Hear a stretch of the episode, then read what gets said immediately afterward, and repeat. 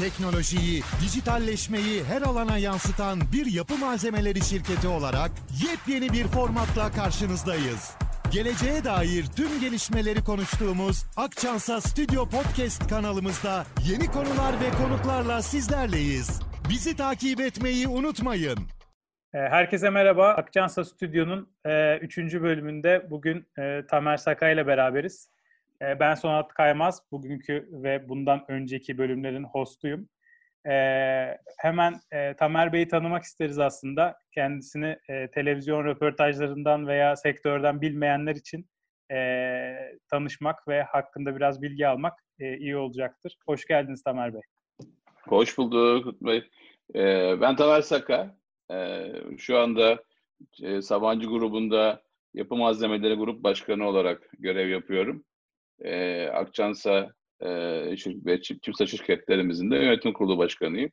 Aynı zamanda da e, sektörün çatı kuruluşu olan Türkiye Çimento Müstahsilleri Birliği'nin de e, yönetim kurulu başkanıyım. Evet, sektör biz sektör hakkında bilgi edinmek için size gelmek gerekiyor önce gibi anlıyorum bu konu bu e, açılıştan. Ee, evet. o yüzden hani benim benim için bile bu, bu röportajı hazırlanırken çok fazla e, bilgi edindiğim, çok fazla şey öğrendiğim bir süreç oldu. E, bu konuşmayı, bu sohbeti dinleyecek herkese de e, bunun olacağını düşündüğümü söyleyeyim. Bu bölümün başlığını lokalden globale giden oyun ve geleneksel sektörlerde dijitalleşme diye koyduk.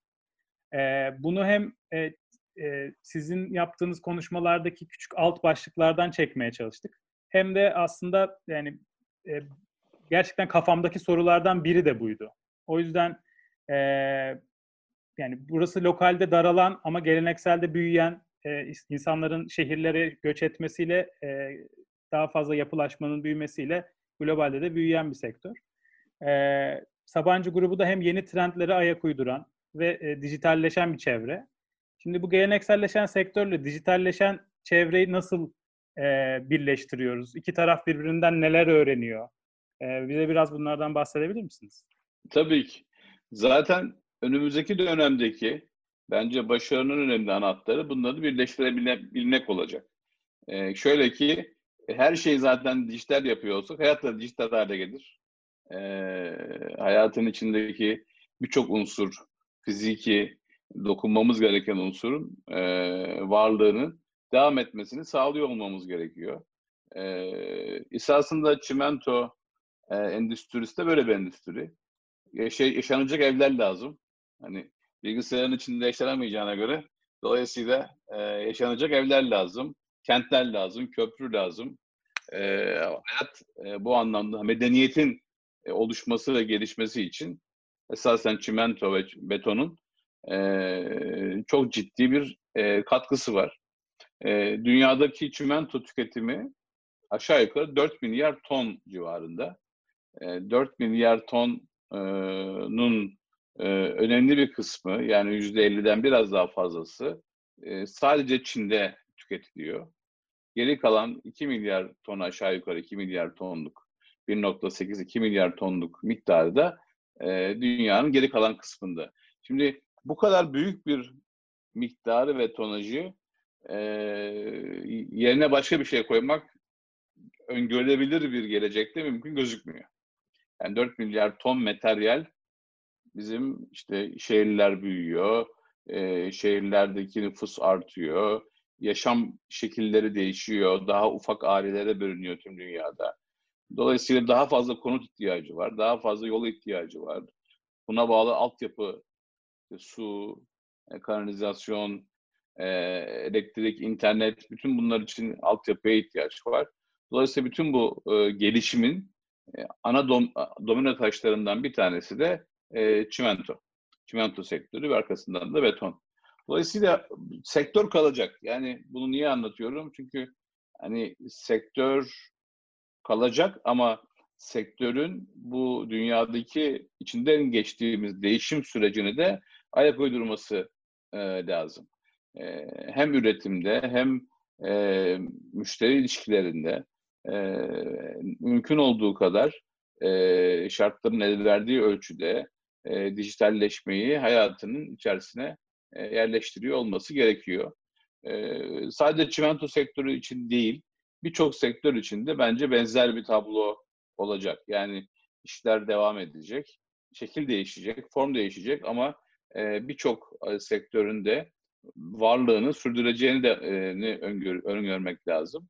E, dolayısıyla fiziki olarak üretimin yapılması, fiziki olarak e, e, işte maden çıkartılması, fiziki olarak efendime söyleyeyim e, inşaat yapılması gibi e, birçok e, fonksiyon e, devam edecek. Bunların hepsinin otomizasyon altına giriyor olmasını, hepsinin dijital yapılacak olduğunu, olacağını öngörmek e, bana göre en azından bizim ömrümüzde çok olası değil diye düşünüyorum. Süper. Ee, yani çok güzel şeyler söylediniz. Hem e, bu sektör kalacak dediniz. Yani hepimizin evlere, yollara, işte altyapıya e, ihtiyacı olacak dediniz. O yüzden özellikle e, hani ne yapacağını bilemeyen, hangi sektöre gireceğini bilemeyen, e, atıyorum üniversitede okuyan e, gençler için, yeni nesildeki insanlar için, bizler için e, veya atıyorum bir inovasyon, bir teknoloji üretecek bir e, ekip için e, ha, hani uzun yıllar kalacağını bildiği bir sektör ve problemlerin devam ettiğinin farkında olduğumuz işte atıyorum göçler, e, dediğiniz gibi şehirleşmeler, e, hane sayılarının küçülmesi gibi e, problemlerin veya şeylerin, gerçeklerin devam ettiğini bildikçe bu sektöre girmek isteyen insanlar için de aslında önemli bir done. Yani çok çok güzel şeyler söylediniz. Bu arada her şey de dijitalleşemez de çok aslında güzel bir yorum oldu. E, bu kadar fazla evlere kapandığımız bu günlerde e, biraz da dijitalleşmeyen şeylere ihtiyacımız var gibi geliyor bana. E, Doğru. Yani dij- dijitalleşme kaçınılmaz bir şekilde hani e, karşı olduğum için söylemiyorum ama hani öngöremediğimiz bir hızla hayatımızın içerisine girdi. E, yerleşmeye devam ediyor. E, Covid de, Covid süreci de e, bu hızı arttırdı. Hepimiz de bunu yaşayarak görüyoruz. Tabii ancak burada şu önemli. E, bence dijitalleşmeyi biz nasıl anlıyoruz, nasıl anlamalıyız? Yani bana bana göre dünyadaki en büyük dijitalleşme adımı hani abakustan hesap makinesine geçmektir. Hani hayatı en temelden etkileyen unsurlardan bir tanesi budur. Şimdi bu bundan sonrasında iş süreçlerimizi, iş yapma şekillerimizi, hayat tarzımızı e, tekrar tanımlamamız lazım ki dijitalleşme bize e, öngörülen e, gerekli katma değeri getirsin. Yoksa yapmakta olduğumuz şeyi yapmaya aynen devam ederek bunu dijital ortama taşımış olmayı bir dijitalleşme unsuru olarak görmüyor olmak e, lazım diye düşünüyorum. E, o yüzden bunun bence doğru anlama, anlaşılması lazım. Tabii ki bu bir tanışma süreci. Yani birçok sektör, birçok insan dijitalle daha haşır neşir oluyor, daha fazla yakından ilişki kuruyor. Bu bir anlaşma, tanışma süreci diye görmek lazım. Ama bundan sonraki aşamada mutlaka hani takkemizi önümüze koyup evet biz işimizi geçmişte şöyle yapıyorduk. Artık dijitalleşme imkanları, fırsatları, tool'ları çok daha fazla. Ben bu işi daha farklı nasıl yapabilirim ki dijitalleşmenin bana bir katma değer getirmesini sağlayayım. Yoksa aynı işi aynı şekilde, aynı mantıkla yapmaya devam edip de sadece hani bunu bilgisayara taşımak e, bana göre mantıklı değil. Yani Zoom Zoom çok önemli. Zoom çok hat olduğu için örnek ver, verebilirim. Hani Zoom'dan bu toplantı yapmak çok değerli, çok anlamlı.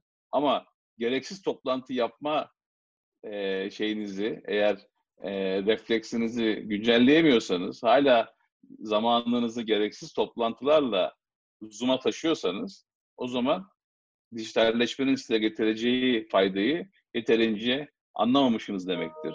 Ee, o yüzden bu dengeyi iyi korumak lazım diye düşünüyorum. İyi anlamak lazım. Yok kesinlikle. Nasıl tanımladığımız e, inanılmaz önemli. Hatta aslında biraz biraz sonra soracağım soruyu siz önceden e, cevapladınız bile. E, peki biraz daha derinleşip bu soruyu sorayım. E, özellikle yani bir e-ticaret şirketi değilseniz, bir e, çimento üreticisi şirketseniz nereden başlamamız lazım bir şirket olarak bizim dijitalleşmeye? Evet. Bence ee, yani 500 senelik de olsanız, bir senelik de olsanız, endüstri şirketi de olsanız, tamamen e, internet üzerinden veya e-commerce yapmak üzere kurgulanmış veya teknolojiyi çok daha yoğun kullanmak üzere kurgulanmış bir iş modeliniz olsa da bence şuradan başlamak lazım her hepsi açısından. E, benim için dijitalleşme veya teknoloji ne anlam ifade ediyor? Bunun gerçekten bir e, değerlendirilmesini karşılıklı oturup yapılması lazım şirket açısından. Çünkü aynı sektörde olan şirket için bile teknoloji aynı şeyi ifade etmeyebilir. Her, her şirketin yaşadıkları farklı, tecrübeleri farklı, birikimi farklı, insan kaynağı farklı, e, müşteri segment, segmentasyonu farklı. Dolayısıyla bir kere bunları doğru analiz ederek teknolojiyi ben nasıl kullanacağım, hangi alanda daha yoğun kullanmam lazım, hangi alana öncelik vermem lazım. Çünkü şunu unutmayalım ki bu teknoloji evrimi, yolculuğu bitmeyecek. Ee, yani biz ne yaparsak yapalım, ee, bir sonraki adım ensemizde olacak. Yaptığımız hiçbir şey yeterli olmayacak. Ee, yeni teknolojiler gelecek, yeni ürünler gelecek, yeni modeller gelecek. Dolayısıyla ha, şimdi bitirdik, yaptık derken hadi bakalım tekrar. Şimdi eskiden endüstri şirketlerinde bir teknoloji uzun yıllar kendini e, idare ederdi. E, örneğin çimento sektörünü örnek verebilirim. Çimento sektöründeki ana üretim metodu, yöntemi, üretim şekli çok uzun yıllardır e, aynıdır.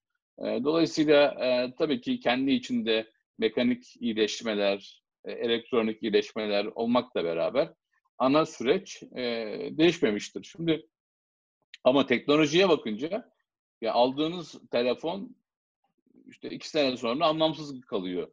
Bilgisayar anlamsız kalıyor.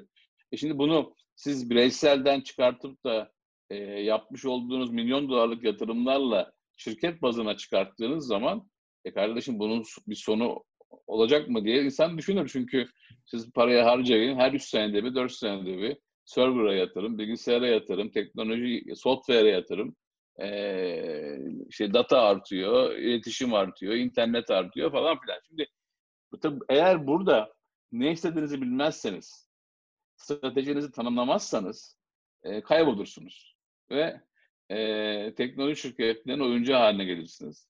O yüzden bir kere ne istediğinizi bilmek, e, stratejiyi tanımlamak, e, ne ne iş yaptığınızdan ve yaşınızdan bağımsız bence en önemli alan diye düşünüyorum. Bu ana stratejiyi masaya koyduktan sonra bunun yol planını, detayını e, hazırlamak tabii ki o da ayrı bir challenge ama hani o noktaya gelmeniz lazım. Bu stratejiyi yani teknolojiyi ben nasıl kullanacağım noktasındaki şey önceliklerinizi e, mutlaka ve mutlaka netleştirmeniz lazım diye düşünüyorum. Ee, çok yine çok güzel şeyler söylediniz. Buradan aldığım iki tane e, nokta var. E, bir tanesi ben Akçansa'nın tabii biraz daha e, içine girdiğim için bu Akçansa stüdyo e, yüzünden ve sayesinde e, şunu görüyorum. Hem bu podcast'i başlatması hem sizinle aslında benim gibi bir profilin bu sohbeti yapabiliyor olması. O yüzden bu bir zihniyet. Siz e, Sabancı grubundan da sizden de bu mesajı alıyorum. E, bu bitmeyecek bir e, döngü ve biz bunu ne zaman bir zihniyet olarak tanımlarsak ki öyle yaptığımızı görüyorum. E, o zamanki bu işin içinde başarılı oluruz. Yani bu durmayacak, dijital dönüşüm bitmeyecekten e, sizden bunu anlıyorum. İkinci anladığım şey de dijital dönüşüm veya teknolojileri kullanmak deyince sadece yine araçlar anlamamaktan yola çıkıyorum. İşte Zoom'lar, bilgisayarlar, telefonlar değil. Aslında siz işte çalışanlarınıza ne yapıyorsunuz? Müşteriyle iletişiminizi nasıl sürdürüyorsunuz? Ee, işte üret, ürettiğiniz üründe nasıl teknolojiler kullanıyorsunuz? geldim düşünce olarak. Özellikle sürdürülebilir ürünler üretmek de e, dijital dönüşümün ve teknolojiye yatırım yapmanın bir parçası diye düşünüyorum. E, o konuda da teşekkür ediyorum size. Teşekkür ederim sana, sağ olasın. Öyle yani sürdürülebilirlik tabii bizim işlerimizin merkezinde olan bir kavram. Biz hem Sabancı Holding olarak hem Akçan Sözlerinde ortağımız Heidelberg olarak iki kurulmada e, bu konuya çok ciddi ağırlık ve önem veriyoruz. E, bu iki ortağımızın bu işi merkeze alması sebebiyle de Akçansa'da tabii ki bu konuda önemli bir e, algı ve önemli bir öncelik edinmiş durumda.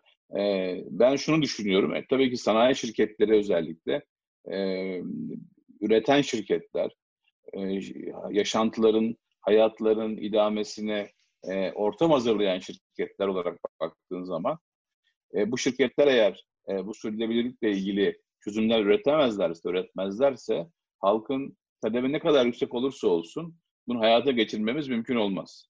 Ee, biz burada önce olmalıyız, lider olmalıyız. Bizim gibi şirketler, üreten şirketler, katkı sağlayan şirketler. Ee, tabii bu e, yine tekrar edeyim, aynı şeyi söyleyeceğim bu alanda da. Bu işin sonu yok. Yani sürdürülebilirlik, işte sıfır emisyon e, hedefi ortaya koyabilir, var, koy, konuluyor, koyuyor ama hani buna ulaşmak da bütün üretim prosesleri açısından baktığın zaman kolay bir iş değil. Gerçekten enerji üretiyorsun, enerji tüketiyorsun endüstri şeyine göre, tipine göre. Dolayısıyla birçok girdim var. Hani buralarda sürdürülebilirliği merkeze almak ve sürekli iyileşme yapmak yaşam tarzı olması lazım. Ama bu anlamdaki beklentileri de doğru set etmek ve doğru yönetmek lazım. Kesinlikle. Peki e, yani bu biraz önce söylediğim teknolojik ve sürdürülebilir ürünler üretmekten yola çıkıyorum. Bu özel ve katma değerli üretmek mi globalde farklılaşmanın yolu? Şimdi e, tabii ki çimentoda özel ürünler e, önemli ve önemi gittikçe de artacak. Bunu da görüyoruz. Fakat çimento hani büyük rakamların oyunu. E, 4 milyar tondan e, bahsettik e, binlerce fabrika. E, dolayısıyla hani e, en ufak e, konuştuğumuz bizim rakamlar işte 100 bin tonlar e, civarındadır. Yani bir projede bile hani orta orta büyüklükte bir projede bile yani 100 bin ton civarında bir e, beton e, kullanırsın. Dolayısıyla e, rakamlar büyük olduğu için tabii özel ürünlerin kullanım alanlarının gelişmesi bu alanların büyümesi için kritik öneme sahip. O yüzden e, mutlaka özel alan, özel çimentolar, e, farklı katkılı çimentolar, farklı tip çimentoların kullanımı artacaktır ama e, bu 4 milyarın içindeki payı diye bakarsak bunun öyle hemen hemen kendini hissettirebilecek bir noktaya gelmesini e, beklemiyor olmak lazım. Örneğin bizim de içinde bulunduğumuz ve şu anda dünyada lider olduğumuz beyaz çimento e, örnek verebilirim. Hani beyaz çimento yıllardır yapılan, işte biz grup olarak belki 20-25 senedir beyaz çimento içindeyiz, e, üreticiyiz e, ve dediğim gibi dünyada önemli bir oyuncuyuz. Tüm dünyadaki, yani Çin dahil tüm dünyadaki beyaz çimento tüketimi 20 milyon tondur. Yani 4 milyar 20 milyon ton. Dolayısıyla yani Çin'i de atarsak Çin dışında 10 milyon ton. E, aşağı yukarı. Dolayısıyla bu hani, yıllardır kullanılan işte yapı kimyasalları sektörün önemli girdilerinden bir unsurdur beyaz çimento. Ona rağmen e, geldiği nokta budur. Dolayısıyla bunlar olacak, gelişecek, zaman içerisinde farklılaşacak. İhtiyaçlar e, değiştikçe, talepler değiştikçe yeni ürünler geliştireceğiz. E, ama e, önümüzdeki e, hani e, görülebilir gelecek diye baktığın zaman, tahmin edilebilir gelecek diye baktığın zaman e, gri çimentonun ağırlığı bu anlamda devam ediyor e, olacak diye düşünüyorum. O anlamda e, işlerimizi e, bize teknolojinin sağladığı faydaları çok etkin bir şekilde kullanarak işimizde farklılaşmak, maliyet açısından farklılaşmak bizim için önemli. Örneğin Türkiye Niye ihracatta bu kadar e, önde? E, birkaç sebebi var. İşte rekabet, fiyatların düşük olması. E, ama e, bir diğer unsur da e, hem bizim e, üretimdeki Türkiye olarak e, yaklaşık işte bir Cumhuriyet'in kuruluşundan başlayan bir çimentoculuk şeyimiz var. Ülke olarak geçmişimiz var. E, maliyet yönetiminde önemli bir e, oyuncuyuz. Yani maliyetlerimizi iyi yönetebiliyoruz e, maliyetlerimiz e, düşük kalıyor. E, bu nedenle de e, daha rekabetçi fiyatlar verebiliyor oyuncular uluslararası piyasalarda. E, o yüzden hani hem maliyetlerimiz hem işte kurun etkisi hem rekabet gibi unsurlarla biz ihracatta büyük bir oyuncu haline geldik. Dünyanın eğer bu sene şey, e, Vietnam bizi şey yapar, Vietnam'la başa baş gideriz. E, muhtemelen biz bu sene bir dünyanın en büyük ihracatçısı olacağız eğer Vietnam birinci olmazsa. Uma, umalım.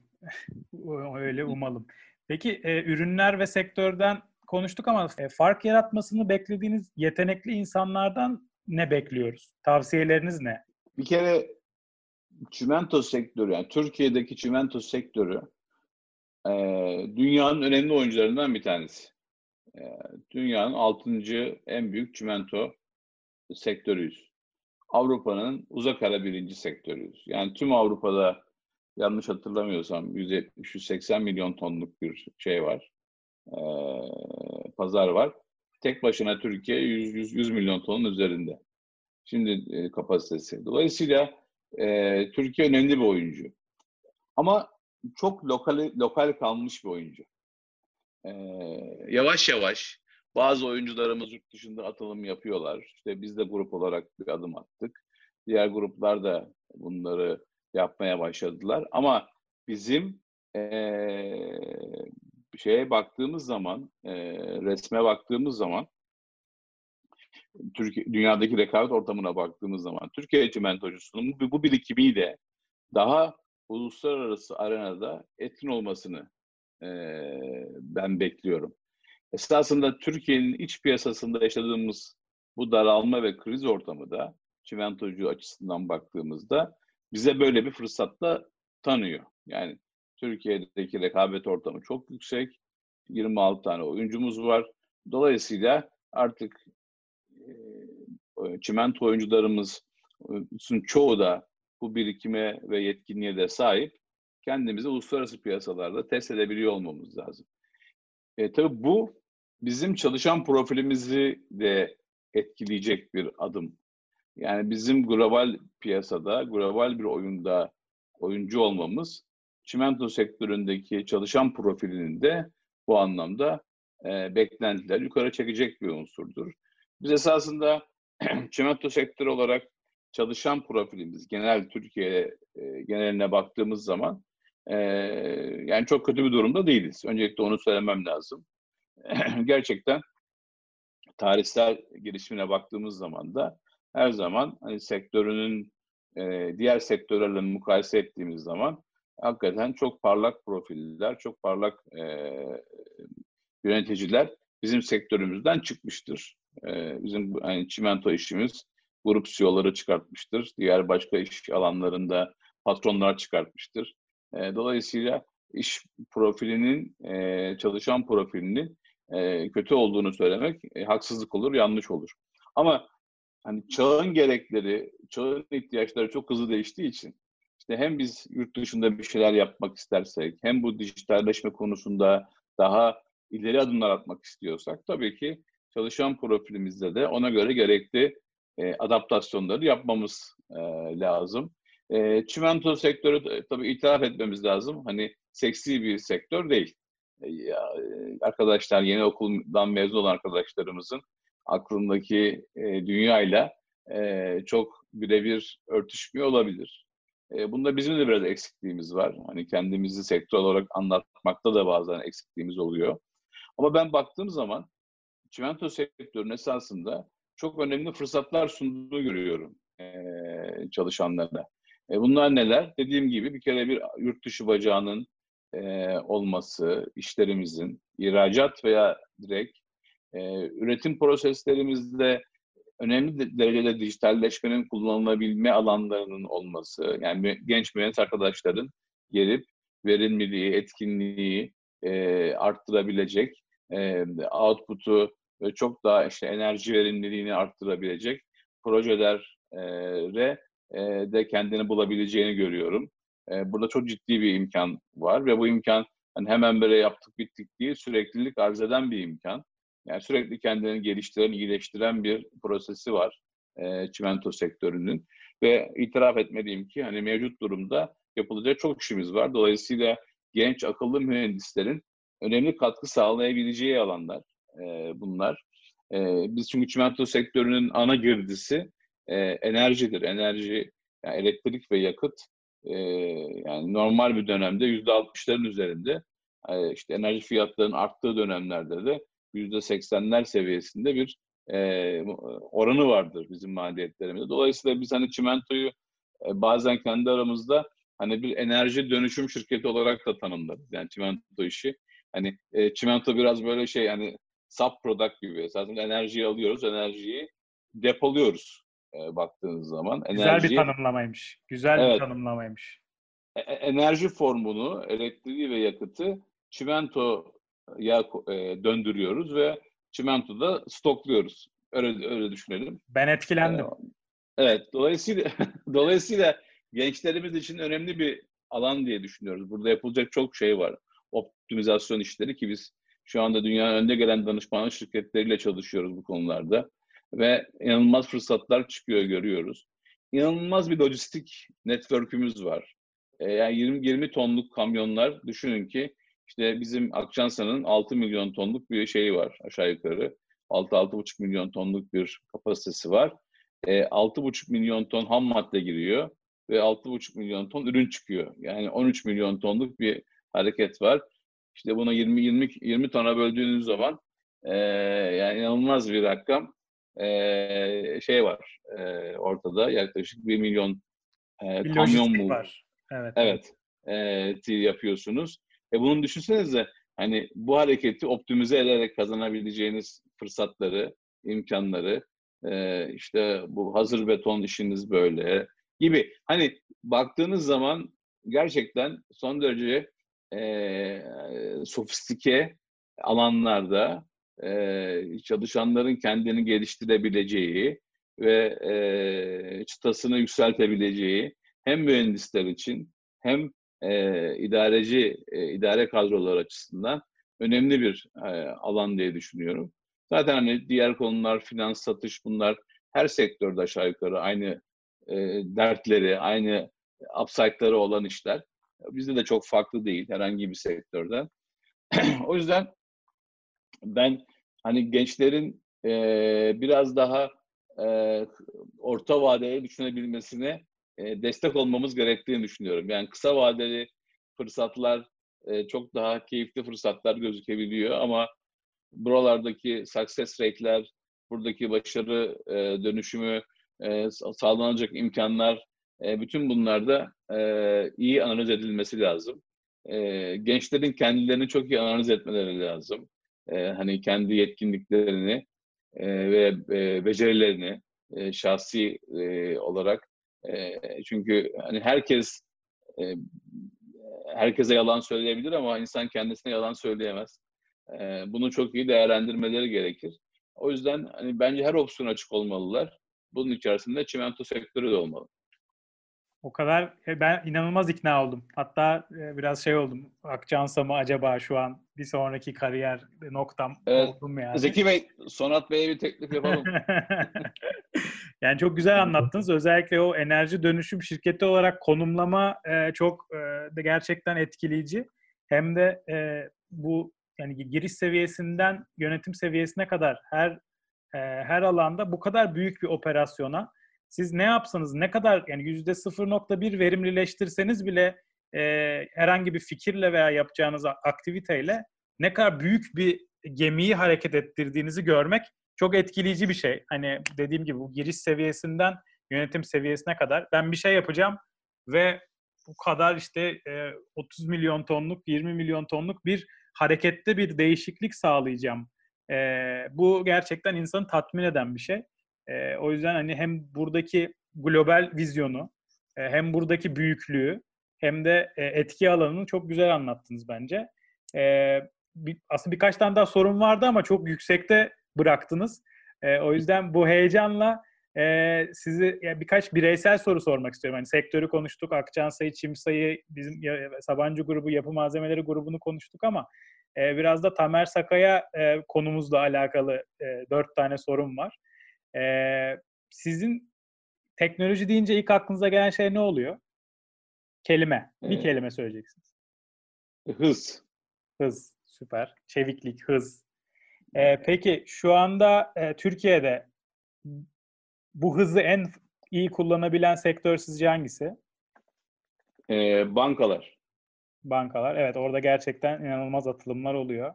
Peki şu an her şeyi düşünürseniz şu an keşke hayatımda olsa dediğiniz bir teknoloji var mı? Yani şunu da yapsak çok güzel olur dediğiniz.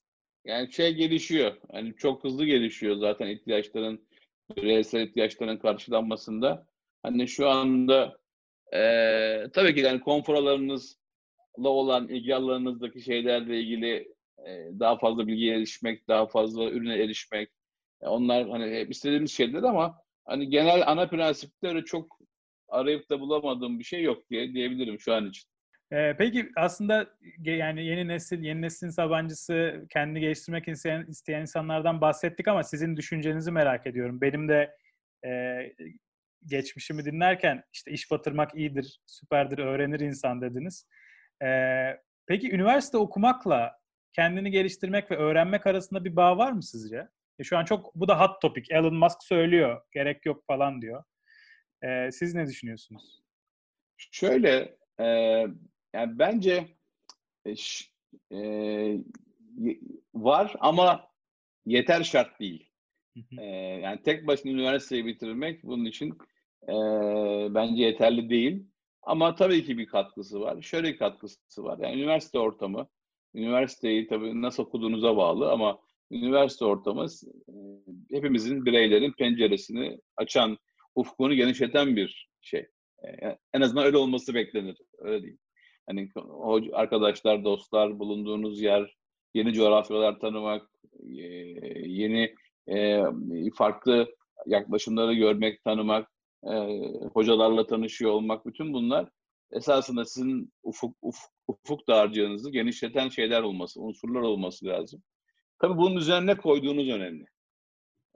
Yani sonuçta sizin mezun olduğunuz okulda her sene işte binlerce yani kişi, 100 kişi bö- bölümüne göre insan tabii, tabii. Mez, mezun oluyor. Ben işletme mezunuyum. İşletme İstanbul İşletme mezunuyum. Bizim okuldan herhalde 800 kişi falan mezun oluyor her sene. Şimdi e, bunların arasında farklılaşabilmek için okul tek başına yeter şart değil. Şey bir, bir, onun dışında bir şeyler yapmanız lazım. Kendini geliştiriyor olmanız lazım. E, dolayısıyla o kendiniz için size uygun, yaşam tarzınıza uygun bir sürekli gelişim döngüsü oluşturmanız lazım. O size nasıl geliyorsa, yani nasıl e, nasıl bir network'ünüz varsa, nasıl bir tanımlamanız varsa e, sürekli kendini geliştiriyor olmanız lazım. Ben hep gençlere e, hani e, söylediğim en önemli unsur, bana göre en önemli unsurlardan bir tanesi mutlaka ve mutlaka hep yeni şeylere açık olmaları. Ee, okumaya, gezmeye, seyahate, e, yazmaya, çizmeye. Yani bunları denemek, bunları yaparken öğrenecekleriniz, etrafınızdaki görecekleriniz, bunlar hepsi üst üste geliyor. Ee, ve birikim oluşturuyor. Örneğin bir mimarlıktan mezun olan bir arkadaşımız, bir genç, e, nerede yaşarsa yaşasın, o mimarlık öngörüsü yani hesabı kitabı öğreniyor ama o mimarlık zevki, mimarlık öngörüsü, mimarlık çizgisine ulaşabilmesi için çok gezmesi lazım örneğin. Yani çok yer görmesi lazım. Dokunması, hissetmesi lazım. O farklı materyallerin kullanımını gözle görmesi lazım. Dolayısıyla bunları yapmadan hani iyi bir mimar bana göre olamaz masa başında. Her yani bir mühendis işte sahaya inmeden, sahada görmeden, farklı tecrübeleri yaşamadan, farklı üretim proseslerini görmeden iyi bir mühendis e, olamaz. Her sektörün kendine has özellikleri var. E, bunları mutlaka e, bir, bir paket olarak görmek lazım. Yani iş tek başına yeterli değil, okul tek başına yeterli değil, aile tek başına yeterli değil, kültür tek başına yeterli değil ama hepsi birleştiği zaman işte sizi yapıyor. E, o yüzden her, her birine e, önem verip bunları doğru bir optimizasyonunu yapmak lazım. Kesinlikle. Bunu yine bir zihniyet olarak almamız gerektiğini tekrar altını çizdik o zaman bu, bu, bu cevapla evet. beraber. Tamer Bey çok teşekkürler. Ee, Rica ederim. Ben e, biraz konu yüzünden korkmuştum ama e, sizi görünce rahatladım.